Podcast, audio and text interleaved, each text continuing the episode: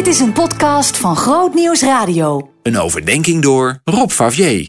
Bij de ingang van het hoofdkwartier van de Verenigde Naties in New York staat een Bijbeltekst.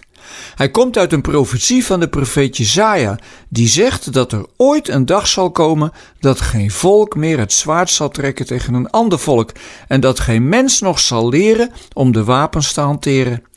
En dan gaat het vooral om het eerste deel van Jesaja 2 vers 4. Zij zullen hun zwaarden omsmeden tot ploegijzers en hun speren tot snoeimessen. Het is een tekst die vaak in de adventstijd wordt gebruikt, maar ik wil hem nu graag al onder de aandacht brengen. We weten allemaal van die vreselijke aanval van Hamas op 7 oktober. En ik moet je zeggen, het kwam nogal bij me binnen. Ik ben al sinds september weer bezig met het schrijven van een oudejaarsconferentie. Zit je daar over je lijst gebogen en te denken hoe je grappen kunt verzinnen bij wat er gebeurt? En dan dit. Ik had er even helemaal geen zin meer in. Intussen weten we dat ook het Palestijnse volk vreselijk lijdt door wat Hamas gedaan heeft. En als je dan zo'n tekst als Jesaja leest, moet je best een groot geloof hebben. Als we voortdurend horen van de complexiteit van het hele conflict en de ongelooflijke haat, dan denk je toch bijna dat zo'n tekst buiten de werkelijkheid staat. Maar als je hem goed leest, zie je een perspectief dat heel veel verdriet kan wegnemen.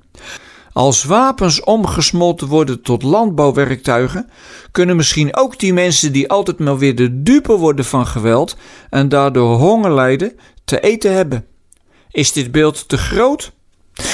Nou, dat denk ik niet, want als er niemand dit meer roept in navolging van Jezaja, wat blijft er dan nog anders over dan altijd maar weer vechten en schieten?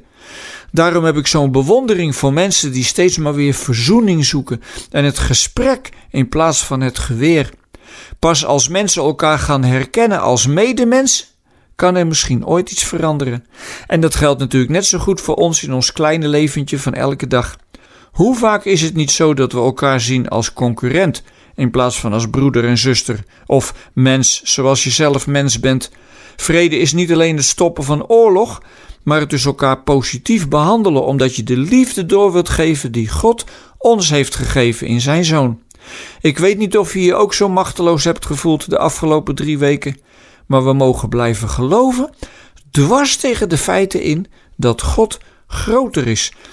En als je zelf een conflictzoeker bent en altijd met iedereen en alles ruzie hebt, dan moet je misschien wel je mond houden als het over Israël gaat en het Palestijnse volk. Verbeter de wereld en begin bij jezelf is te kort door de bocht, maar we mogen wel tegen elkaar zeggen dat je niet het recht hebt om over vrede te praten als je die zelf niet uitstraalt.